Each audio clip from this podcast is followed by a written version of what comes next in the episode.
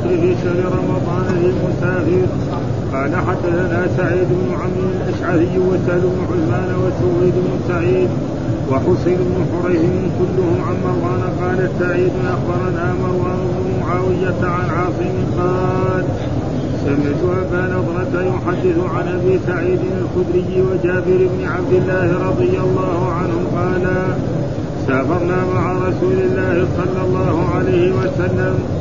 فيصوم الصائم ويفطر المفطر فلا يعيب بعضهم على بعض. قال وحدثنا يحيى بن يحيى. قال أخبرنا أبو خيمة عن حميد. قال سئل أنس رضي الله عنه عن صوم رمضان في السفر. فقال سافرنا مع رسول الله صلى الله عليه وسلم في رمضان. فلم يعب الصائم على المفطر ولا المفطر على الصائم. قال وحدثنا أبو بكر بن أبي شيبة قال حدثنا أبو خالد الأحمر عن حميد قال خرجت فصمت فقالوا لي أعيد.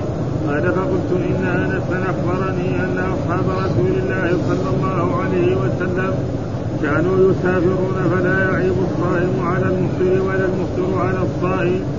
فلقيت ابن أبي مليكة فأخبرني عن عائشة رضي الله عنها بمثله قال وحدثنا أبو بكر بن أبي شيبة قال أخبرنا أبو معاوية عن عاصم عن مورق عن أنس رضي الله عنه قال كنا مع النبي صلى الله عليه وسلم في السفر فمنا الصائم ومنا المفطر قال فنزلنا منزلا في يوم حار يسهرنا ظلا صاحب الكساء ومنا من يتقي الشمس بيده قال فسقط الصوام وقام المفطرون وقام المفطرون فضربوا الأبنية وسقوا الركاب فقال رسول الله صلى الله عليه وسلم ذهب المفطرون اليوم بالأجر قال وحدثنا أبو كريب قال حدثنا حفص عن عاصم الأحول عن مورد عن أنس رضي الله عنه قال كان رسول الله صلى الله عليه وسلم في سفر فصام بعضهم وأفطر بعض.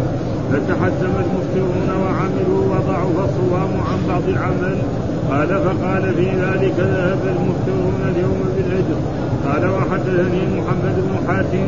قال حدثنا عبد الرحمن بن مهدي عن معاوية بن صالح عن ربيعة قال حدثني قزعة قال أتيت أبا سعيد الخدري رضي الله عنه وهو مسحور وهو مسحور عليه.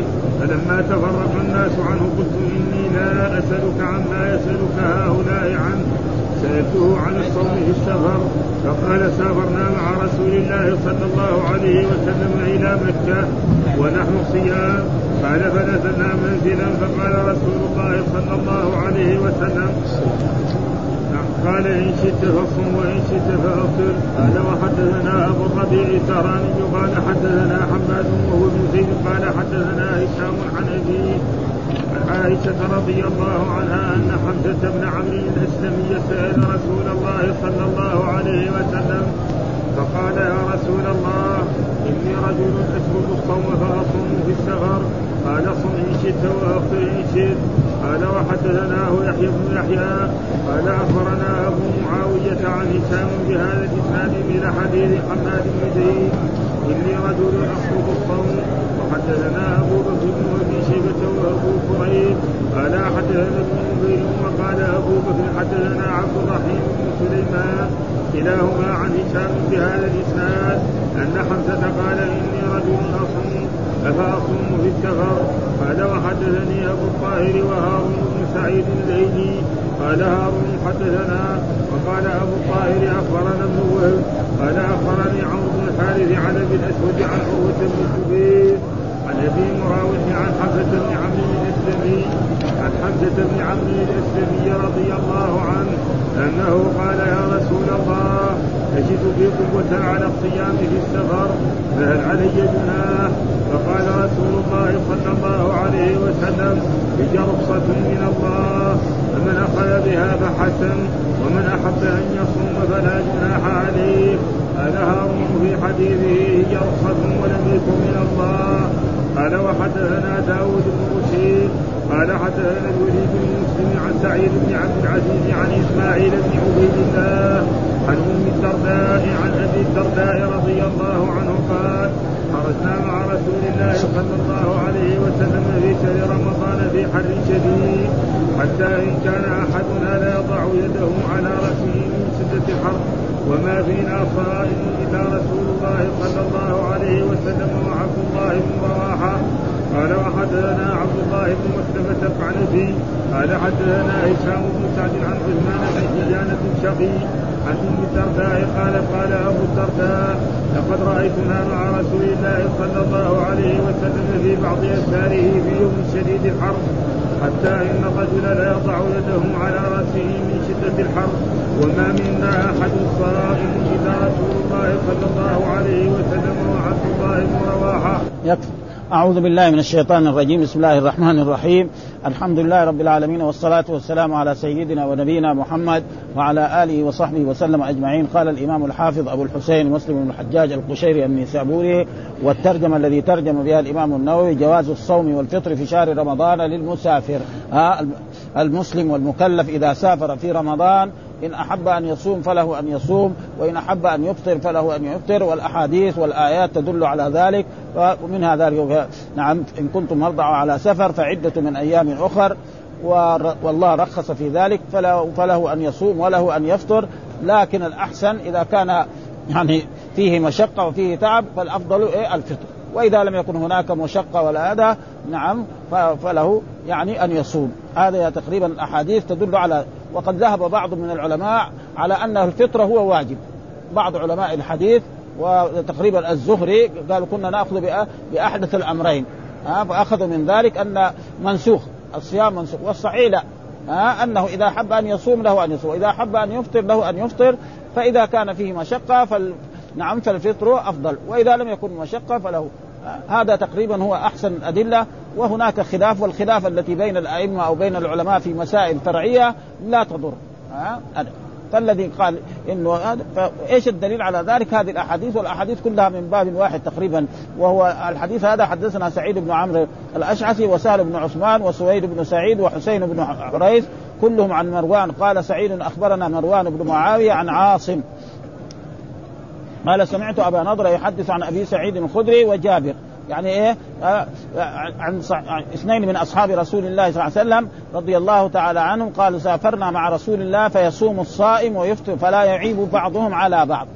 هذا ها؟ فهذا دليل على أنه كان أصحاب رسول الله وهم القدوة الذين يقتدون برسول الله كانوا يسافرون وهم صيام فبعضهم يصوم والبعض يفطر فلا يعيب هذا على هذا. وهنا ذكر إيه؟ فلا يعيب بالنفي.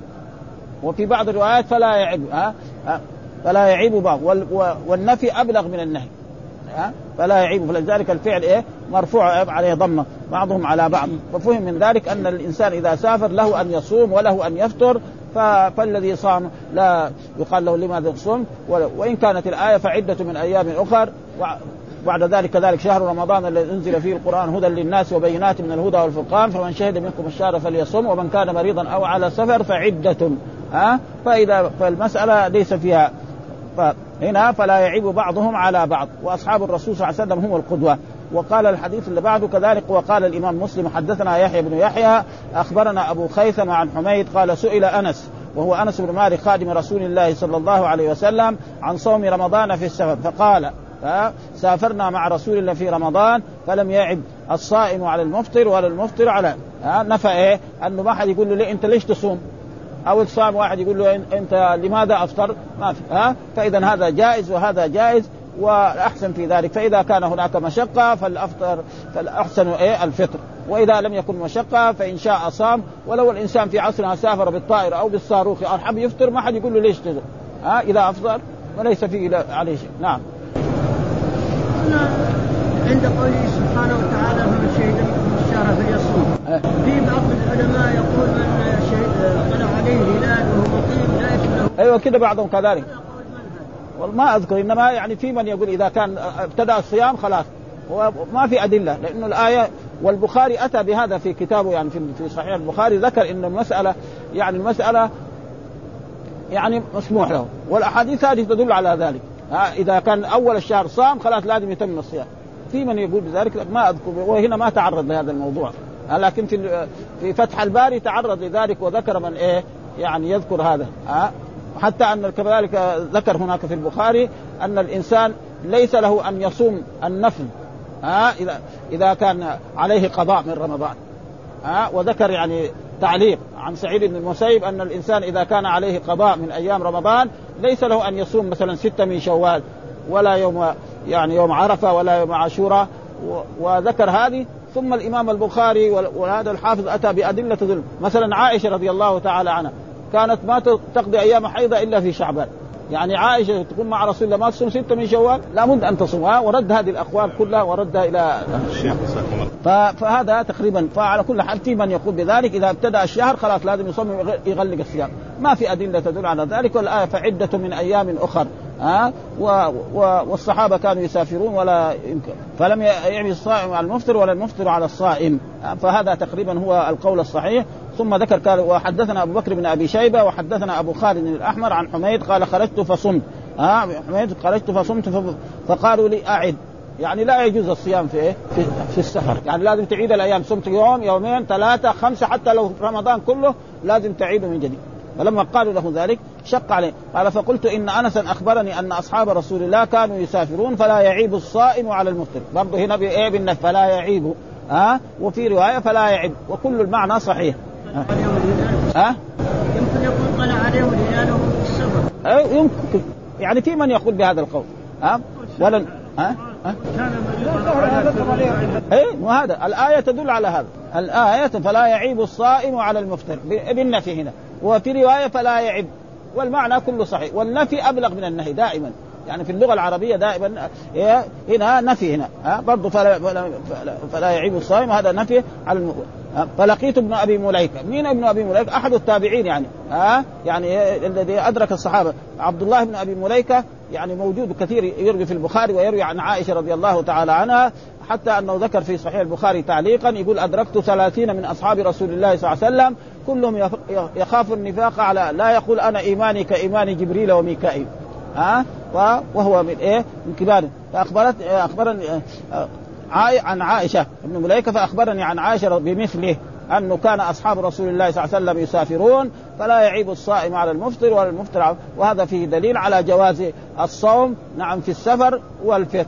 وأي إنسان شدد في ذلك ها فليس له دليل أنه لا يجوز الصيام. ومنهم بعض بعض علماء الحديث ومنهم يعني ما تقدم لنا في أول الباب الترجمة أنه يقول كان الرسول خرج من المدينة وهو صائم هو وأصحابه حتى بلغوا قريب من مكة ثم أمر رسول الله صلى الله عليه وسلم أصحابه بالفطر فلما قيل له إن بعض الناس صيام قال أولئك العصاة أولئك العصاة.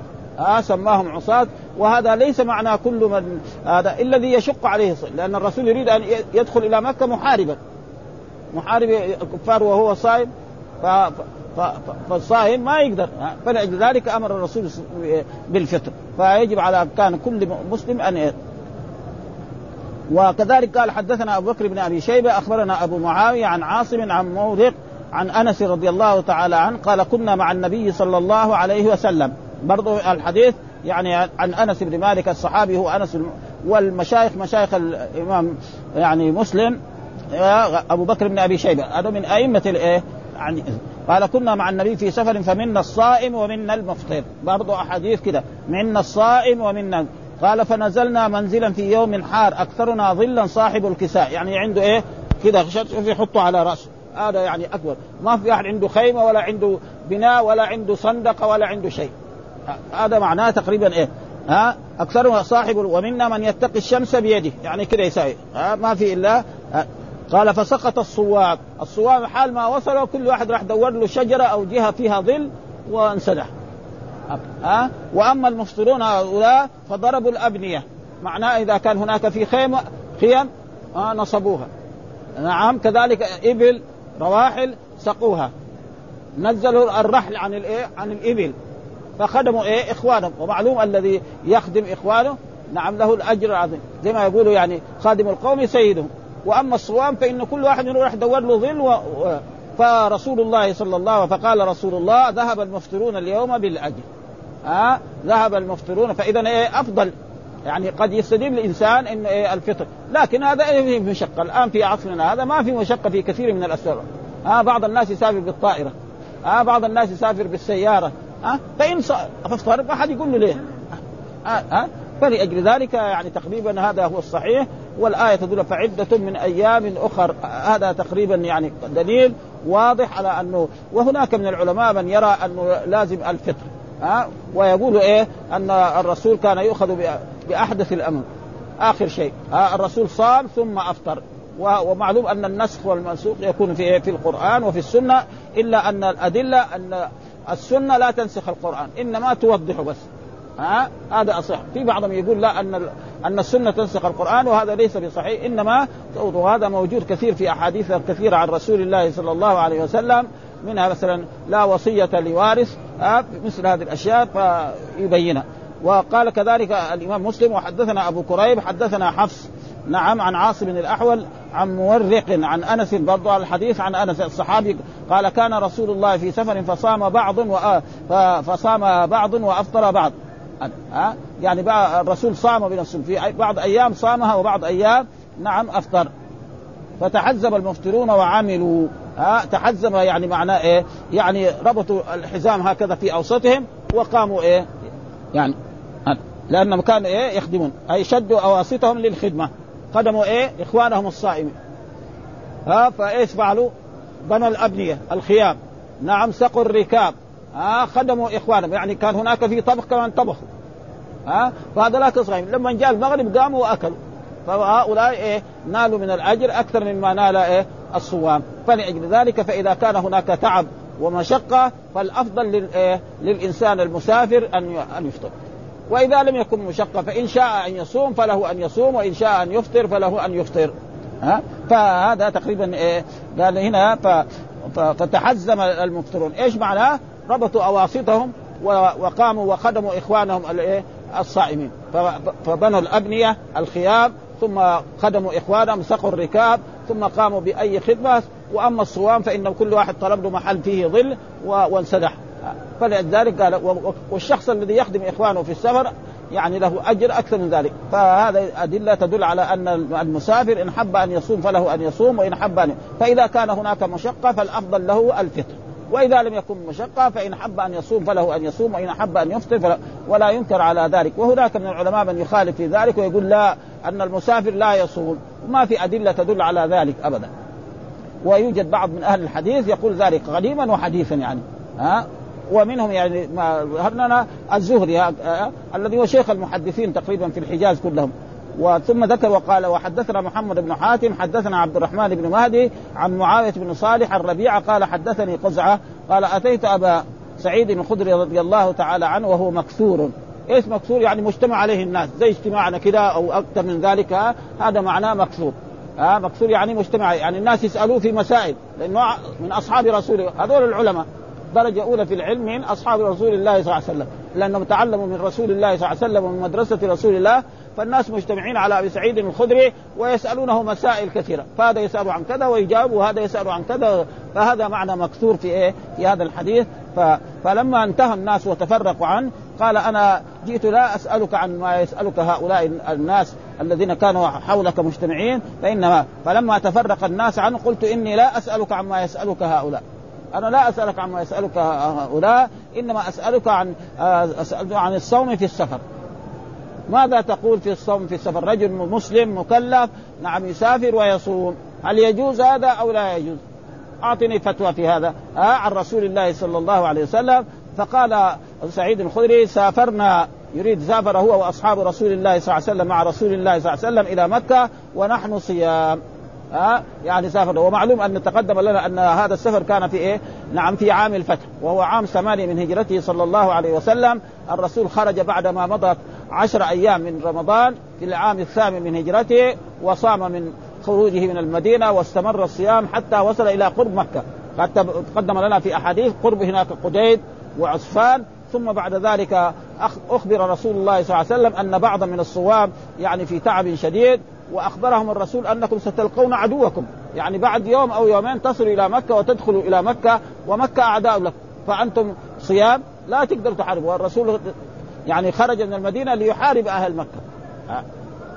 فأمرهم الرسول صلى الله عليه وسلم إيه؟ بالفطر. فقال فنزلنا منزلا فقال رسول الله إنكم قد دنوتم من عدوكم. ها الآن بعد يومين أو ثلاثة تصل إلى مكة تصل إلى عدوكم وأنتم صيام ها والفطر أقوى لكم. الفطر أقوى لكم بان تكونوا مفطرين. أحسن لكم من أن تكونوا صيام. فمنا من صام ومنا من أفطر. يعني الرسول على مراحل. أمر. أول قال لهم يعني لو لو أفطرتم ذلك. ثم بعد ذلك قال لهم بعد شوية كمان قال لهم لا ألزمهم إلزام. ومنا أيكم قد دنوتم من عدوكم والفطر أقوى لكم. فكانت رخصة منا من صام ومنا من أفطر ونزلنا منزلا آخر فقال إنكم مصبحوا عدوكم. يعني إنكم بعد يوم تصلون إلى مكة وتقابلوا عدو. لأن الرسول بينه وبين قريش وبين مكة عداوة. ها؟ فإنهم أخرجوا رسول الله صلى الله عليه وسلم من مكة وآذوه وآذوا أصحابه. نعم حتى أن رسول الله صلى الله عليه وسلم وأصحابه سافروا إلى الحبشة مرتين، هاجروا إلى الحبشة مرتين، ثم بعد ذلك أذن الله لرسوله صلى الله عليه وسلم بأن يهاجر إلى المدينة، ثم تآمروا على قتل رسول الله صلى الله عليه وسلم كما جاء في القرآن وإذ يمكر بك الذين كفروا ليثبتوك أو يقتلوك أو يخرجوك ويمكرون ويمكر الله والله خير الماكرين، فتآمروا على ذلك وكانت هذه المؤامرة أن الرسول إذا جاء خارج من بيته يضربوه ضربة رجل واحد. نعم فلا يستطيع يعني بنو هاشم أن يحاربوا قريش وياخذوا الدية ويرتاحوا من محمد صلى الله عليه لكن الله قال يظهروا على الدين كله. ما يمكن مستحيل أن يقتل رسول الله صلى الله عليه وسلم. فخرج الرسول وهم حول دار ولا يرونه. وذهب إلى دار أبي بكر ثم بعد أيام آه، وإذا به الرسول يذهب إلى غار سعور ويجلس فيها ثلاثة أيام ويأتي. ثم فتشوا على محمد بعد ذلك فقالوا من يأتي بمحمد حيا أو ميتا له مئة من الإبل. وأعداء محمد قدر إيه؟ آلاف مؤلفة في مكة. لكن ما يمكن. ها بعد أيام سمعوا أن الرسول صلى الله عليه وسلم من المدينة ولأجل ذلك قال إنكم مصبحون والفطر أو فافطروا ها وكانت عزمه يعني كان واجب هذا. يعني نقدر نقول أن الصحابة الذين أرادوا أن يدخلوا مكة في عام يجب عليهم أن يفطروا. ومعلوم أن أمر الله وأمر رسوله صلى الله عليه وسلم يختلف دائما. تارة يكون للوجوب تارة يكون للندب والاستحباب تارة يكون للتهكم. هنا ما في دحين أمر لكن هو بمعنى الأمر. وهذا موجود في أحاديث رسول الله. مثلا الله يقول وأقيموا الصلاة وآتوا الزكاة وأطيعوا الله وأطيعوا الرسول. هذا أمر واجب. ها يجي مرات يقول صلوا قبل المغرب صلوا قبل المغرب ثم قال لمن شاء. إذا أذن المغرب واحد يبغى يصلي ركعتين سنه يصلي. ما يبغى يصلي ما نقول له قم صلي. قول له يا أخي قم صلي. حب يصلي أهلا وسهلا. ما حب يصلي. وفي مرات يجتمع الأمرين يعني ها؟ مثلا ما مر علينا في دراستنا في الحج أن رسول الله صلى الله عليه وسلم لما أحرم من المدينة من ذي الحليفة ووصل إلى مكة. نعم فقال لأصحابه من لم يسق الهدي فليجعلها عمرة فليجعلها. فعل مضارع دخل عليه لام الأمر فمعناه إيه؟ أمر فليجعلها عمرة ها؟ ثم في في نفس الحديث قال فليجعلها. وأصيبوا النساء. أصيبوا هذا؟ فعل أمر برضه يعني مو معنى ذلك أن الإنسان إذا يعني انتهى من الحج لازم يتصل بزوجته ويجامعها. حب يتصل أهلا وسهلا ما حب؟ كيف؟ ها؟ واصيبوا النساء. هذا وأصيب. مثلا القرآن. فإذا حللتم فاصطادوا. لا حللتم فاصطادوا. يعني يجب إذا غلقنا من العمرة والحج نأخذ بندقية نروح نجري ورا الطيور. هذا ما هو لازم. مباح يعني. وكذلك مثلا فيها إذا قضيت الصلاة فانتشروا في الأرض. يعني انتهت صلاة الجمعة إيه؟ اذهب إلى بيتك تغدى تنام زي ما تبغى. فانتشروا هذا فعل أمر ها آه ليس على وجه إيه؟ الوجوب إنما هو على, وجه الإباحة. وتارة يكون مثلا للتهكم. الله يقول للكفار قل كونوا حجارة أو حديدا. هذا إيش معنى؟ وما يقدر يصيروا حجارة؟ ما يقدر. ها آه ما ها آه فلذلك وأي عالم أو طالب علم يقول كل أمر الوجوب تقريبا ما عنده فقه. ها يعني يوجد الآن طلبة ومشايخ يقول كل أمر نعم الأصل الأمر الوجوب. كده قاعدة عامة. ثم بعد ذلك هناك أدلة تدل منها هذا صلوا قبل المغرب صلوا قبل المغرب.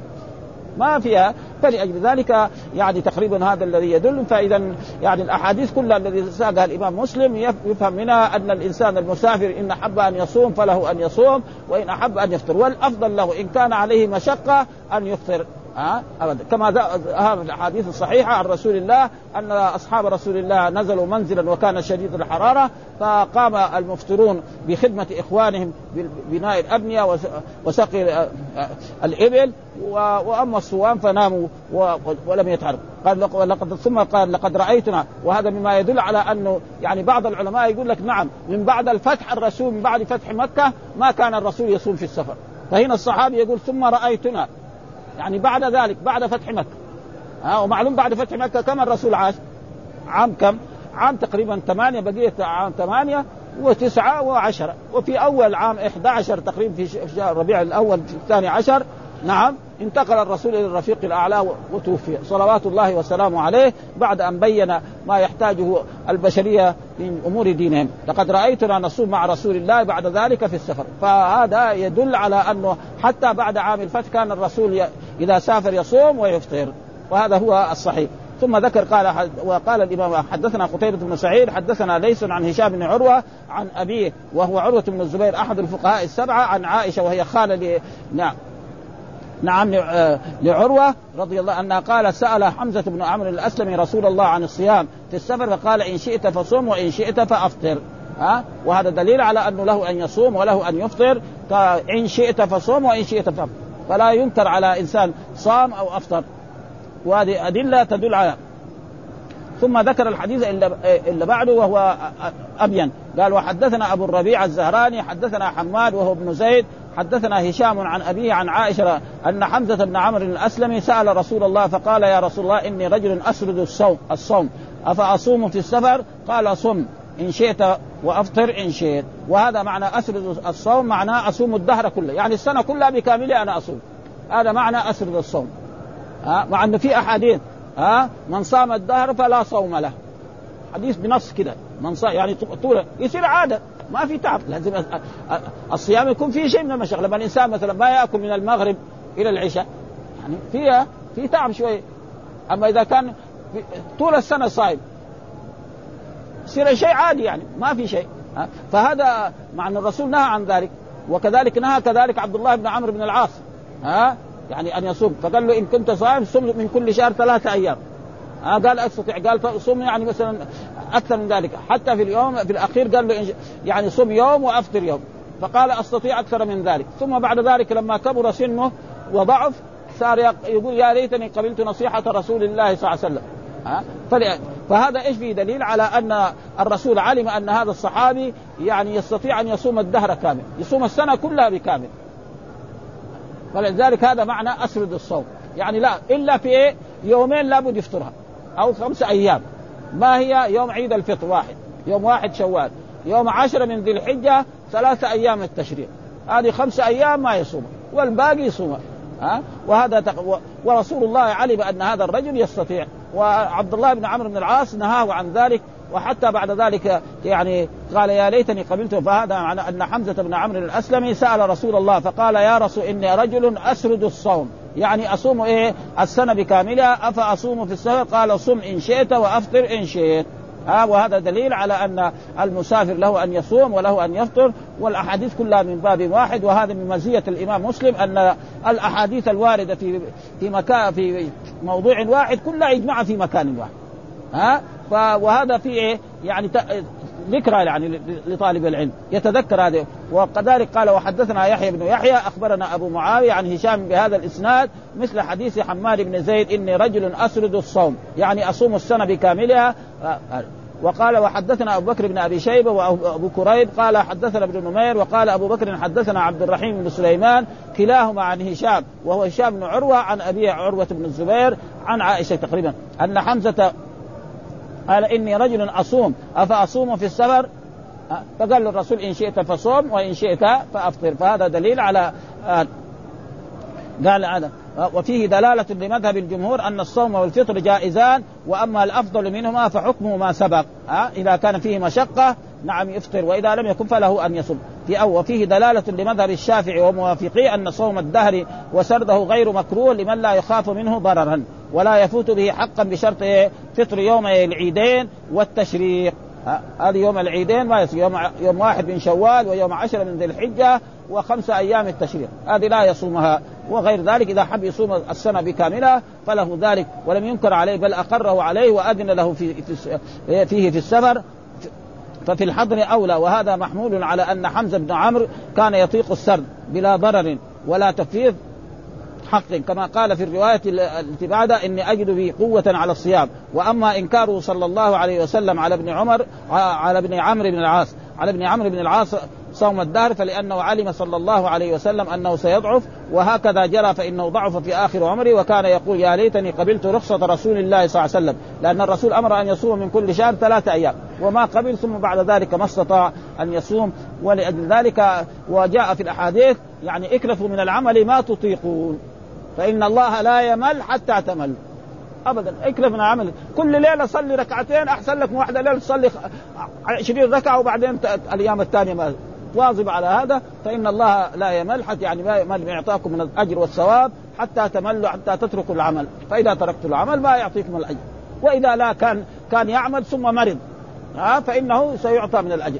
ها كان عادته يفعل شيء فمرض فلا يعمل. فإن الله يعطيه ذلك الأجر. وقال كذلك حدثنا أبو الطاهر هارون وهارون بن سعيد الأيلي قال هارون حدثنا وقال أبو الطاهر أخبرنا. ما في فرق بين أخبرنا وطاهر لكن هم هؤلاء علماء الحديث ما قاله الشيخ يقول. ما في أخبرنا وحدثنا كل واحد. ها ولكن ما قاله شيخه هو يقول. ما يزيد ولا ولذلك علم الحديث انضبط ضبطا تاما. علم العلوم الثانية ما انضبطت كما انضبط يعني الحديث. قال أخبرنا ابن وهب وأخبرنا عمرو بن حارث عن أبي الأسود عن عروة بن الزبير ها الذي هو أحد الفقهاء عن أبي مرواح عن حمزة بن عمرو الأسلمي رضي الله عنه قال يا رسول الله أجد قوة على الصيام، إني أجد قوة أن أصوم السنة كلها بكامل ولا فيها شيء، ها في السفر، فهل علي جناح؟ معناه إيه؟ ما يعني ما يواصل، إنما إذا جاء المغرب يأكل، هذا معناه يعني يصوم في النهار، فهل علي جناح فقال رسول الله هي رخصة. ها؟ رخصة يعني الفطر في, السفر رخصة من الله. فمن أخذ بها فحسن ومن أحب أن يصوم فلا جناح عليه. ها؟ فلا جناح يعني لا إثم عليه ولا فلأجل ذلك فهم من ذلك أن الأحاديث كلها تفيد أن المسافر له أن يصوم وله أن يفطر فإن كان عليه مشقة فالفطر أولى لا وإذا لم يكن عليه مشقة وإذا لم يكن عليه مشقة وأفطر فلا ينكر عليه أبدا. مثل عصرنا في هذا يسافر بالطائر إلى أي بلد ويفطر فله ذلك. لكن كونه يلزم من ذلك كما يرى بعض طلبة العلم أو بعض العلماء أن المسافر لا يجوز له الصيام. لقول الله تعالى فعدة من أيام أخر فالأدلة لا تساعد على ذلك كثيرا. وفي فتح الباري يعني بحث هذا الموضوع بحثا جيدا جدا. ها وقال حدثنا داود بن آه، آه، رشيد حدثنا الوليد بن مسلم عن سعيد بن عبد العزيز عن إسماعيل بن عبيد الله عن أم الدرداء عن أبي الدرداء رضي الله قال خرجنا مع رسول الله صلى الله عليه وسلم في شهر رمضان في حر شديد حتى إن كان أحدنا ليضع يده على رأسه. وهنا حتى إن كان. هذه إن يعني مخفف من الثقيلة تسمى في اللغة العربية. يعني في علم النحو تسمى لأنه عندنا إن كثيرة في اللغة العربية. في إن وفي إن وفي أن. فيبغى له يعني يعرفها طالب العلم بإيه؟ فقال إن كان. أصله كان إن مشددا. ها آه إن المشددة هذه إيه؟ تنصب المبتدا وترفع الخبر. إنا أنزلناه في ليلة القدر. مثلا إنا أعطيناك هذه هي إن. فإذا خففت إيش يصير حكمها؟ تهمل. هذا الأحسن. والأحسن أن تدخل على فعل ناسخ. تدخل على كان وأخواتها أو كاد وأخواتها أو ظن وأخواتها. قال إن كان. يعني أصله إن مخفف من الثقيلة وكان فعل ماض هذا ناقص. احدنا هذا الاسم. نعم. لا يضع. هذه اللام تسمى اللام الفارقة. ها الذي تفرق بين إن النافية وبين إن إيه المخفف من الثقيلة. عندنا في في نافية ها؟ إن عندكم من سلطان. هذه إيش يا؟ هذه نافية يعني ما عندكم ها؟ فيقدر يعرف. وهذا كيف؟ يدرك بالمعنى. وإلا ما في ما في شكل ولا في شيء ها؟ فلا يضع. بخلاف إن النافية ما فيها لام ابدا لا توجد فيها لام ابدا. ها؟ إن عندكم من سلطان. هذا يضع رأسه على راسه من شدة الحر وما فينا صائم. يعني ما فينا من أصحاب رسول الله آه، يعني من الأمة كلها إلا رسول الله وعبد الله بن رواحه وهذا دليل إذا كان الرسول صائم معناه خلاص مشروع. ها؟ وعبد الله بن رواحه اقتدى برسول الله صلى الله عليه وسلم. فإذا لا ينكر على المسافر إذا صام.